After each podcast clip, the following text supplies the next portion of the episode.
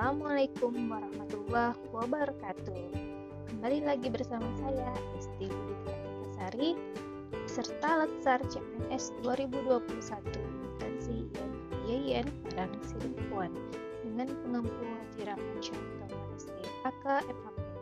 Kali ini saya akan membahas tentang presum nasionalisme dan etika publik.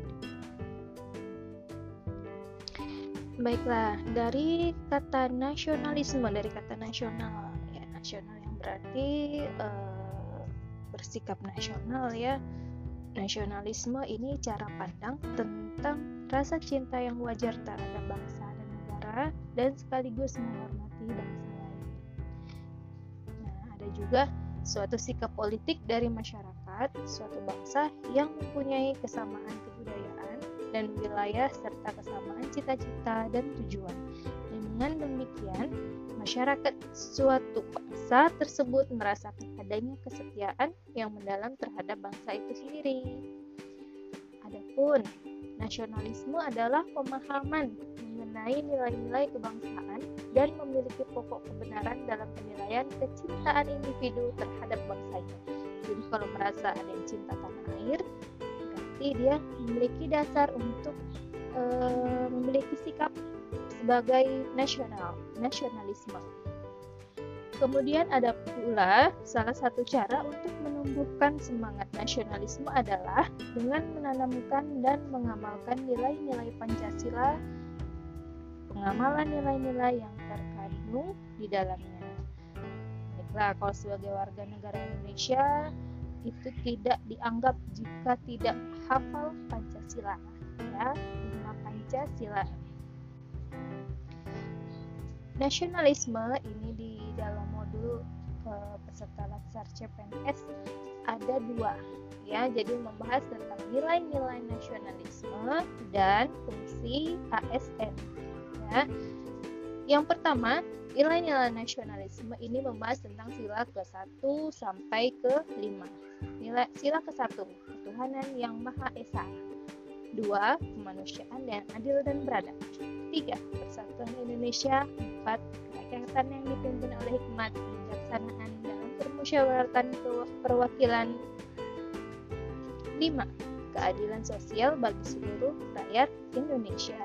Nah, nilai-nilai ini dijabarkan eh, menjadi sikap-sikap dari salah satu sila tersebut ya. Jadi misalkan e, beribadah kepada Tuhan yang Maha Esa percaya kepada Tuhan yang Maha Esa berarti ya sudah menanamkan nilai pada e, sila ke satu selanjutnya fungsi ASN ya.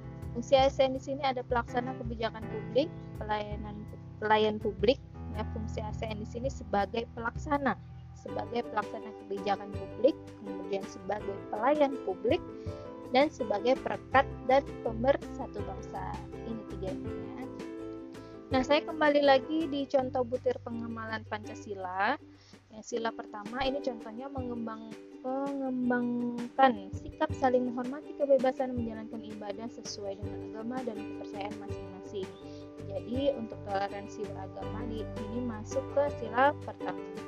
Kemudian sila kedua, contohnya mengembangkan sikap saling mencintai sesama manusia. Jadi kita harus saling mencintai dan saling menyayangi terhadap sesama manusia dan jangan berbuat uh, sikap tercela ya.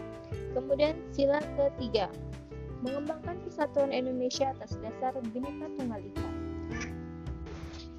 Sila keempat, menghormati dan menjunjung tinggi setiap keputusan yang dicapai sebagai hasil musyawarah.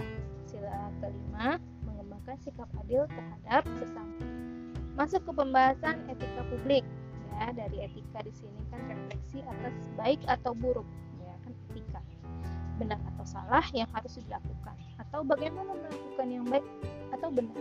Sedangkan moral mengacu pada kewajiban untuk melakukan yang baik atau apa yang seharusnya. Dalam etika publik, yang mana membahas tentang ada kode etik dan perilaku pejabat publik, kemudian ada bentuk kode etik dan implikasinya. Langsung saja saya eh, membacakan indikator nilai etika publik. Indikator nilai etika publik yang paling utama yaitu memegang teguh ideologi negara Pancasila, dan mempertahankan Undang-Undang Dasar Negara Kesatuan Republik Indonesia tahun 1945 serta pemerintahan yang sah.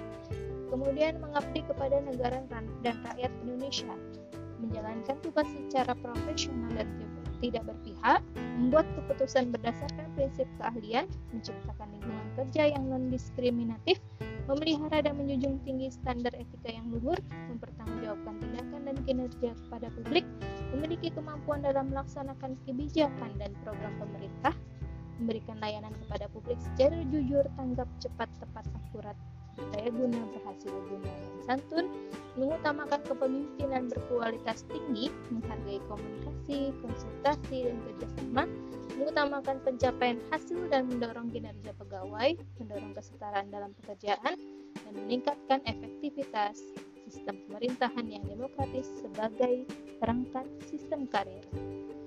Baiklah sekian dari resume saya di nasionalisme dan etika publik. Terima kasih. Wassalamualaikum warahmatullahi wabarakatuh.